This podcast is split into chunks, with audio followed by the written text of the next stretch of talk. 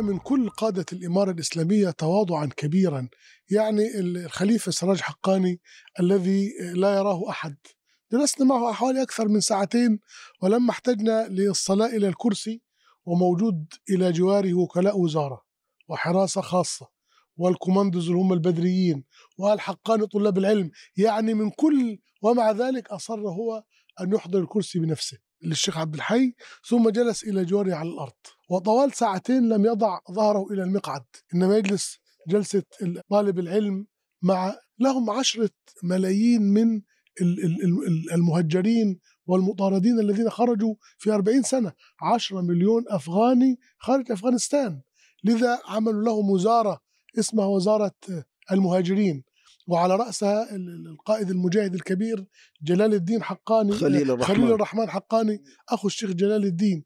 وحقيقة كان لقاءنا معه لقاء السحاب كان من أجمل اللقاءات وأبهاها يعني أنا أقول إنه من القصص العجيبة التي يعني أنا يعني لا أكاد أنسى هذا الموقف. إنه عندما كنا نرجع في المطار التقينا بشخصية غربية. يعني في طريق العودة. في طريق العودة. وهو كان خارج أيضا من من من كابول هذه الشخصية تحدثت عنها الإعلام كثيرا يعني حتى بعد عودتها إلى الإمارة الإسلامية بعد أن وصلوا إلى كابول. هو أسترالي بروفيسور عنده عشر لغات وكان جيء به في أيام الاحتلال من أجل أن يدرس في بعض الجامعات في كابول. ثم حركة طالبان أسرته ووضعته يعني في الاسر لمده ثلاث سنوات هو يتحدث بنفسه يقول يقول طبعا أنا يعني كنت في الاسر في البدايه مكتئبا جدا ولكن مع الزمن تعجبت من هؤلاء الناس ومن اخلاقهم يعني هو كان يحدثكم هو يحدثنا نعم، نعم، نحن التقينا به قدرا آه. التقينا به بطلاقة قدر فقال أنا طبعا قال تعجبت أن هؤلاء الناس يعني رغم قلة المال وقلة المرتبات لهم لكن يحسنون إلي. قال هذا حملني على أن أدخل في الإسلام. فدخلت في الإسلام. طبعا الوقت هذا كان لا الأستراليين عارفين إنه أسلم ولا الأمريكان عارفين إنه أسلم. حصل تبادل لي ما بينه وبين أنس حقاني. كان بوساطة قطرية. يقول لما يعني جينا أنس كان في جوانتنامو أيوه وكان صحيح. أنس حقاني كان في جوانتنامو لما نجوا في الصالة قال طبعا أنا سلمت على أنس حقاني بال بالإسلام هو تعجب يعني. قال ال- فهم متع- تعجبوا لما أجوا يبدلوهم يعني. لما يجي يبادلوهم. يبادلوهم قال تفاجئوا بأنه أنا أعلنت إسلامي. وأنه سميت نفسي خالد وعنده أكثر من اسم سمى الشاهد حاله ماذا؟ بأسماء عفوا سمى حاله بأسماء اللي كانوا يحرسوه كلهم أربع خمس أسماء أخذ الأسماء كلها الغريبة ماذا؟ أنه هو لما ذهب إلى رجع إلى أستراليا رجع مرة إلى الإمارة الإسلامية قلنا له ماذا تفعل أنت الآن هنا؟ قال أنا رجعت إلى الإمارة الإسلامية وذهبت إلى نورستان منطقة يعني في نورستان وأسست هنالك الآن عندي مشروع مدرسة بنات قلنا عجيب مدرسة بنات في ظل ال- الكلام اللغط هذا.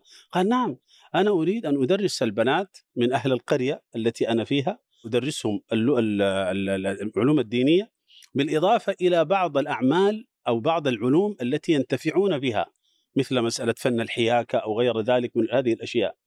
أنا أقصد أنه يعني هذا شخص يعني رأى بعينه عرفت كيف؟ وأدخل الله تعالى عليه الإسلام وهو في الأسر. ثم أبت نفسه إلا أن يرجع من أجل أن يعني أن, أن يساهم في يعني إنجاح هذه التجربة. فأنا أتعجب طيب لماذا لماذا هذا العزوف؟ ولماذا نحن نحكم يعني على هذه على هذه الدولة الوليدة التي ضربت أروع المثل في هذا العصر؟ أنا دائما أقول والله لو كان للمسلمين أن يحتفلوا بأعظم حدث الآن في هذا الوقت أو في هذا العصر لكان حقا عليهم صحيح، يحتفلوا بهذا صحيح. النصر لأنه أنت أنت لا يمكن تتصور إنه يعني هذه الحركات كيف تهزم الناتو؟ يعني الناتو حلف الناتو الذي لم يهزم في تاريخه حتى على يد الاتحاد السوفيتي هذا هذا الحلف اعترف بهزيمته وخرج صاغرا من غير شروط تفرض يعني يفرضونها على على طيب هذه المسألة في حد ذاتها يعتبر شرف للمسلمين؟ ذكرتني بقصة آه، الأخت آه، إيفون ريدلي. إيفون نعم آه، الفرنسية. كان آه، بريطانية صحفية بريطانية. هي قالت لي في برنامجي عندي برنامج اسمه رحلتي إلى الإسلام فتقول كيف هي أسلمت. كانت رايحة إلى أفغانستان عشان تعد تقرير عن وضع المرأة هناك. فاكتشفها الطالبان فأرادت أن تهرب هربت على حمار وقعت عن الحمار فأسروها. وهي في الأسر هي اعتقدت بأنهم سي- سيقتلونها. فقالت بدم حيقتلوني لابد أن يعني أطلع عليهم العين الحمراء. فكانوا كل ما يجيبوا لها أكل تسكبه كل ما يجيبوا لها مية تدلقها كل ما كذا يكلموها بلطف تشتمهم. فبالآخر بيقولوا لها انت ليش بتعاملينا بهذا الأسلوب الفظ؟ قالت ما أنتم حتقتلوني. قال مين قال لك ان حنقتلك؟ روحي روحي مش عاوزينك. فأطلقوا سراحها فقالت إن هي وقعت في حبهم. لكن هم هم قالوا لها إحنا نشترط شرط واحد مقابل إطلاق سراحك عيدينا أعطينا وعد أن تطلعي على القرآن. فراحت هي روحت وقالت بعد شهور تذكرت الوعد. قالت أنا وعدتهم. فجابت المصحف وكان هذا دخولها إلى الإسلام. وهذا الفتى الرجل هذا الذي تحدث عنه الشيخ عبد الكريم لما رجع بعد ذلك الإمارة الإسلامية قال استقبلني أنس حقاني وسراج حقاني وقالوا أنت من آل حقاني وتقيم في ديارنا.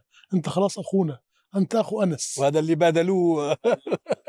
أيضا من الأشياء يعني التي لوحظت بأن الغالب عليهم العنصر الشبابي. يعني في الوزارات العنصر الشبابي تجده يعني ملحوظا. كثير منهم يتقن مع اللغة العربية الإنجليزية. أك- وأكثر من لغة. نعم يعني يتقن هي أمة شابة غالبا يعني أكثر من معظم نعم يعني هم 40 مليون. وفعلا العنصر الشبابي سبحان الله على على استحرار القتل فيهم وكثرة من فقدوا من من الشهداء. لكن سبحان الله كأن الله يعوضهم.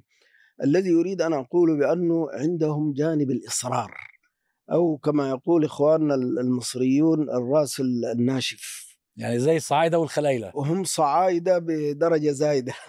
ولذلك لما يعني أرادوا أن يفاوضوهم ورفضوا يعني رفضوا الوساطة القطرية قالوا لهم إحنا عندنا إشكالات شرعية. كان عندهم ثلاثين إشكال شرعي ذللت بعد جلوسي مع سماحة الشيخ محمد الحسن. وبعض المشايخ بيقولوا إن هم ال- الخروج ده مسرحية. يقولوا ده رد على من يقول إن الخروج كان مسرحية أو اتفاق بينه وبين هم ما الأمريكان. كانوا يريدون مفاوضات أصلا. هو الشيخ الدادو اللي أقنعهم؟ نعم هذا عن بحث الشيخ الحكم الددو الشرعي. جلس معهم يعني من بعد صلاة العشاء إلى صلاة الفجر وأجاب عن هذه الإشكالات كلها. طيب بعد ذلك لما قال لهم الأمريكان سموا لنا وفدكم قالوا لهم وفدنا في غوانتنامو كل من في غوانتنامو هم الوفد. يعني الملا برادر هذا مثلا باكستان. استخرجوه من الباكستان بعدما مكث في السجن 13 سنة 13 سنة وفي السجن. ولذلك المفاوضات حين تدار بأمثال هؤلاء الذين يعني ثبتوا وصبروا وصابروا ورابطوا تكون المخرجات يعني من جنس ما والله رأينا. هذا نموذج يجب أن تتعلمه الحركات الإسلامية العربية. التي إذا فتح لها باب يعني إذا إسهال في بعض لها الأوقات. يعني شراعة كما يقال. ال ال ولذلك المفاوضات أداروها بصبر عجيب. يعني المفاوضات هذه استمرت فترة طويلة ولما جلس معهم الأمريكان قالوا لهم طيب أنتم كيف ستحكمون ال- الكذا ونريد نضع الجدول؟ قالوا لا الجدول ما فيه إلا بند واحد. كيف تخرجون؟ ما لكم علاقة فيما بعد الخروج؟ ما لكم علاقة كيف تحكم؟ من يحكم؟ هذا كله يعني خارج نطاق ال- ال- المفاوضات. قضية العفو هذه نبه عليها أصحاب الفضيلة. يعني هم كانوا بين خيارين. يعني إما العفو العام وتجرع مرارته وإما الحرب الأهلية. لكن الله عز وجل وفقهم لإعلان العفو مباشرة أكثر الجنود ألقوا بأيديهم.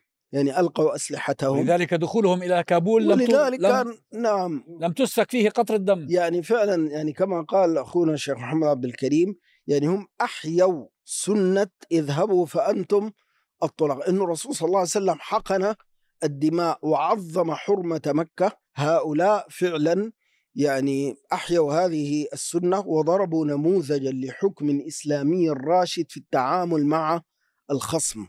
أو في التعامل مع العدو وتأليف قلبه. ولذلك الآن أكابر المجرمين يعيشون يعيشون آمنين. بل بعضهم يقول بأننا ما وجدنا طعم الحياة إلا الآن. مثلا واحد منهم كان رئيسا لمجلس النواب وكان دائما يصرح بأن سراج الدين حقاني هذا مجرم وإرهابي وأنه يستحق الإعدام ومن وجده فليقتله كذا.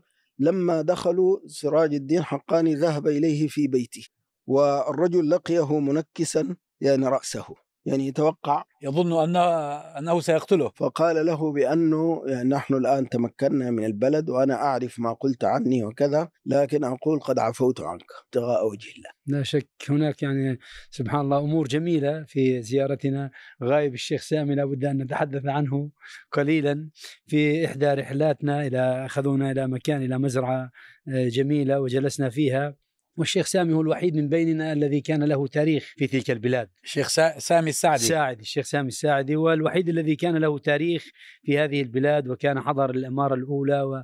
ففي جلستنا كان والد الأخ المستضيف لنا بدأ حديث عن الأيام والتاريخ والشيخ سامي طول الوقت ينظر إليه ويتعجب يعني. ثم بدأوا يتحدثوا عن آه، آه، أيام السابقة فقال له أنت فقال أنا كنت إمام في مكان كذا لا أذكر أنا قد يكون المشايخ يذكرون المهم قال له أنت نعم كنت تقرأ من سورة الأنفال وسورة التوبة كذا وكذا فتعارفوا من جديد سبحان طبعا الله كانت سلام. لحيته كان سوداء نعم. وعادت بيضاء نعم والآن طبعا كانت لحاهم كلاهما كانت لحاهم بيضاء سوداء على وصارت على ذكر بيضاء. الشيخ سامي الساعدي من المواقف التي تذكر إنه الشيخ سامي الساعدي وكان أحد أعضاء الوفد البارزين آه، تأخرت الموافقة فاستدعي من دار الإفتاء الليبية عن طريق سماحة المفتي الشيخ صادق الغرياني وجهز السفر لليبيا هو في ليبيا الآن عشان كده غاب عن لقائنا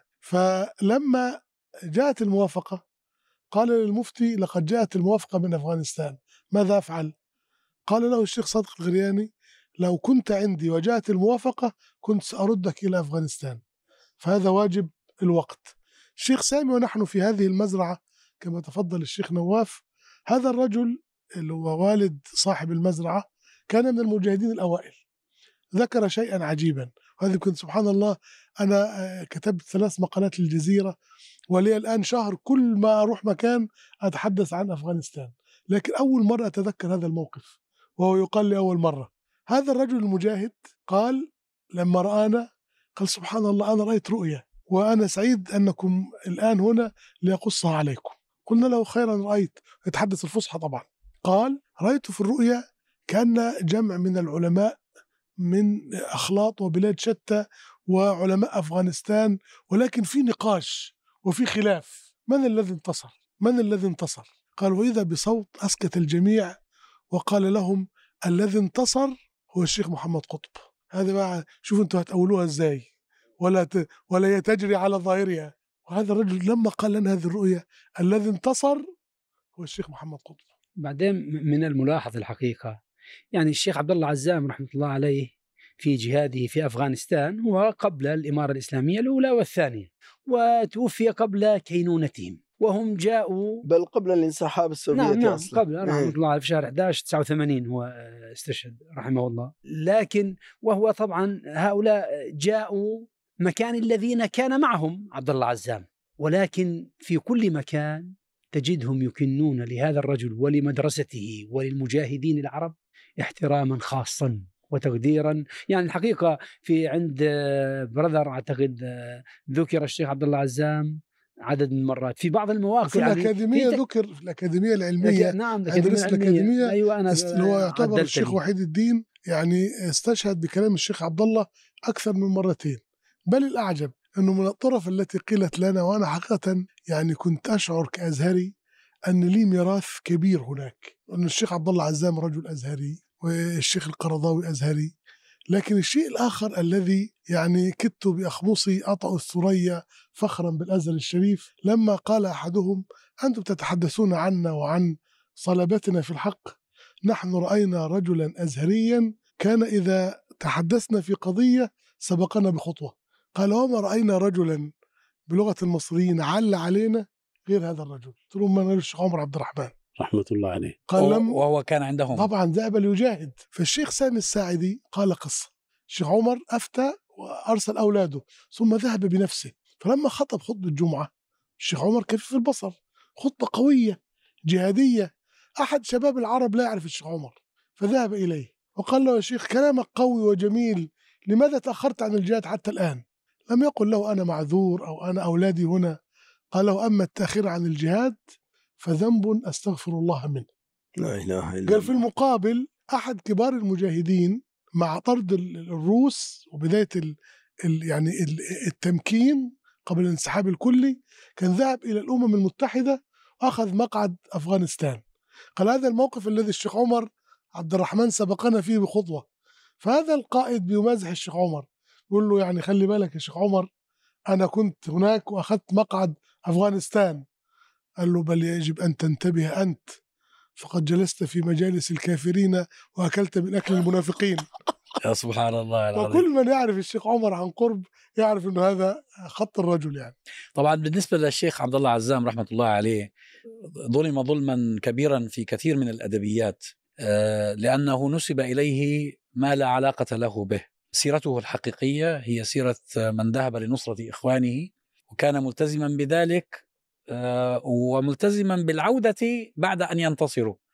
آه، لكن للأسف آه، في كثير من الأبحاث آه، التي كتبها أناس غير منصفين نسبوا له ما لا ما لا علاقة له ما, ما الغرابة دكتور إذا كانوا يكذبون على الأحياء. وبصورة يومية ما, ما في غرابة إنه رجل يعني توفاه الله قبل ثلاثين سنة أو تزيد. لا طبعا هو في يد صهيونية في الموضوع لأنه الرجل كان أيضا آه، صوتا لفلسطين وللأقصى. وأنا أعتقد شوف أنا أعتقد أن هؤلاء بإذن الله تعالى طبعا المواضيع هذه لا تبحث معهم لأنهم مشغولون في أفغانستان وواجبهم أن يشتغلوا في أفغانستان لكن هؤلاء يعول عليهم بشأن فلسطين وأمثال فلسطين ومنهم بالتأكيد من من تربوا هذه التربية الجهادية يصلح أن يكونوا من المدافعين عن فلسطين في يوم من الأيام. بالتأكيد نحن لا نطرح معهم ولا نبذل معهم مثل هذه المواضيع لأن مهمتهم الحفاظ على هذا البلد. وأنا أقول اليوم مخاطب المسلمين جميعا عندنا إشعاع أمل في الأمة. وجود شموع أصغر من ذلك موجود خير كثير في الأمة ولكن الإشعاع الأول والأوضح هو في أفغانستان بهذا التحرير الكلي للأرض من العدو وجمع كلمتها تحت راية الإسلام. وهذا لا ينفي وأكد وجود أخطاء تحتاج إلى تعديل كطبيعة العمل البشري آه، ويحتاج إلى تضافر كل الجهود دعما وإعانة ومساندة وتأييدا وتشجيعا وتعديلا لطيفا آه، حتى تتم هذه. والإشعاع الآخر هو في فلسطين. وأعتقد أن هذان الإشعاعان يحتاجان إلى دعم متوازي. وهما أمل الأمة على وجود خير في مواقع كثيرة في الأمة. ولكن هذان موقعان قد قطعا شوطا كبيرا لا يجوز للامه أن تتخلى عنهما ابدا. أنا أريد يعني أقول في يعني ربما نختم بعد قليل لا ندري. أنا أقول إنه هذا النموذج الذي هو نموذج الإمارة الإسلامية أو الدولة الوليدة في أفغانستان. آه، نحن بين أحد أمرين. إما أن هذه ال- ال- ال- ال- الدولة الوليدة يعني يستطيع اعداؤها الذين آه، يعني قاتلوها في الميدان فخرجوا صاغرين والآن يريدون أن يرجعوا إليها بالشباك كما يقال أنها تفلح من خلال الحصار من خلال التأليب الإعلامي من خلال الأكاذيب يعني في إجهاض هذه التجربة أو هذه الدولة وهذا سيكون خصما على المسلمين. وإما أن ينهض المسلمون بواجبهم آه، في القيام بنهضة هذا هذا البلد وفي إنجاح هذا النموذج آه، وبالتالي يكون هذا سنة حسنة آه، يكون هذا ردءا لأهل الإسلام. والمسلمون يعني تتكافأ دماؤهم وهم أمة يعني واحدة كما أمر الله عز وجل وأن هذه أمتكم أمة واحدة وأنا ربكم فاتقون وأنا ربكم فاعبدون. وبالتالي إذا يعني قضية أن أن أن أن يترك المسلمون مع ما لديهم من دول وإمكانيات وجيوش إلى آخره أن يتركوا هذه الدولة وحيدة فريدة تواجه وحدها هذه الصعوبات هذه مسألة لها ما لها من المغبة وستترتب عليها أمور كثيرة جدا. لأن الخذلان بهذا الشكل لهذه الدولة وهي تواجه وحدها هذه الصعوبات هذا سينعكس على هذه الدول. فلذلك أنا أقول يعني كلامي أضم صوتي إلى صوت الدكتور نواف والى الإخوة إنه ضرورة أن ينهض المسلمون جميعا بواجبهم وفي مقدمة هؤلاء العلماء. يجب على العلماء أن يتركوا يعني الظنون بعض بعض هذه الظنون ظنون كاذبة أو ليست في محلها أن يتركوا هذه الظنون إلى رؤية الأشياء بأنفسهم. لا أنا إذا اسمحوا لي بس أكمل فكرتي. أرى وقلت هذا مرارا وأؤكده الآن أنني رأيت أن الأمة مع فلسطين تعاملت بشكل إيجابي ومع المقاومة الفلسطينية وحتى غضت الطرف عن أخطاء وطبيعة أي عمل سيكون سيكون فيه أخطاء. وشجعت الخير العظيم الذي وجد عظمته وهذا واجب. والرسول صلى الله عليه وسلم سلك هذا الطريق قال لعل الله طلع على أهل بدر. فقال افعلوا ما شئتم فإني قد غفرت لكم. فلا شك أن الأمة قد سلكت هذا الطريق مع المقاومة في فلسطين وهو سلوك سليم. التجاوز عن بعض الأخطاء وتشجيع وتفخيم الإيجابيات. أنا أرى أن هذا ينبغي أن يسلك أيضا مع أفغانستان. تشجيع خيرها وهو كثير. وغض الطرف عن بعض الخلل وتعديله بالطريقة الأنسب والأسلم فعندئذ يكون له ثماره بإذن الله تعالى. هو أنا أنا ربما أقترح على عليكم وعلى من يسمعنا إنه نحتاج إلى مزيد من وفود العلماء يذهبوا إلى هناك لأن العلماء إجماع. أكثر تاثيرا. أنا, أنا عندي توضيح في هذه الوفود. ما الذي يعطل؟ يعني أنا أمس آه، جاءتني دعوة منهم أنهم عاملين آه، مؤتمر للتعليم العالي كله رجالا ونساء وقالوا نرحب بكل من يأتي. ما الذي يمنع؟ أنه أغلب السفارات اللي في الدول العربية والإسلامية ما زال يسيطر عليها الدبلوماسيون من نظام أشرف غني. في حين أن الإقامة الشرعية لهم انتهت يعني وجاء لمدة سنة أو سنتين انتهت. هذه الدول تجدد لهم على غير رغبة الإمارة بل أكثر من ذلك. شكوا لنا. أننا قلنا لهم خلاص أبقوا على هؤلاء لكن نرسل من يمثل الإمارة معهم حتى يكون حلقة وصل لا تتجاوب معهم الدول العربية في أغلبها. ربما طبعا قطر تعتبر هي الدولة الوحيدة التي تتعامل مع الدكتور محمد نعيم على أنه سفير والكويت بدأت تخطو خطوات طيبة في هذا الصدد. فنحن نطالب الدول العربية والإسلامية أن تسلم السفارات والقنصليات إلى حكومة الإمارة الإسلامية حتى تسهل التواصل. فأفضل شيء أن نتواصل مع هؤلاء الإخوة وإن الفراغ والمسافة الموجودة بيننا وبينهم إن لم نملأها نحن سيملأها غيرنا. فيسروا على هؤلاء الناس لأنهم يحتاجوا إلى وفود من العلماء. ومن الأكاديميين ومن الإعلاميين وهم يقولون إن بلادنا مفتوحة لكل محب فاعينوهم ولا تربطوا الأمر بالقرار الغربي.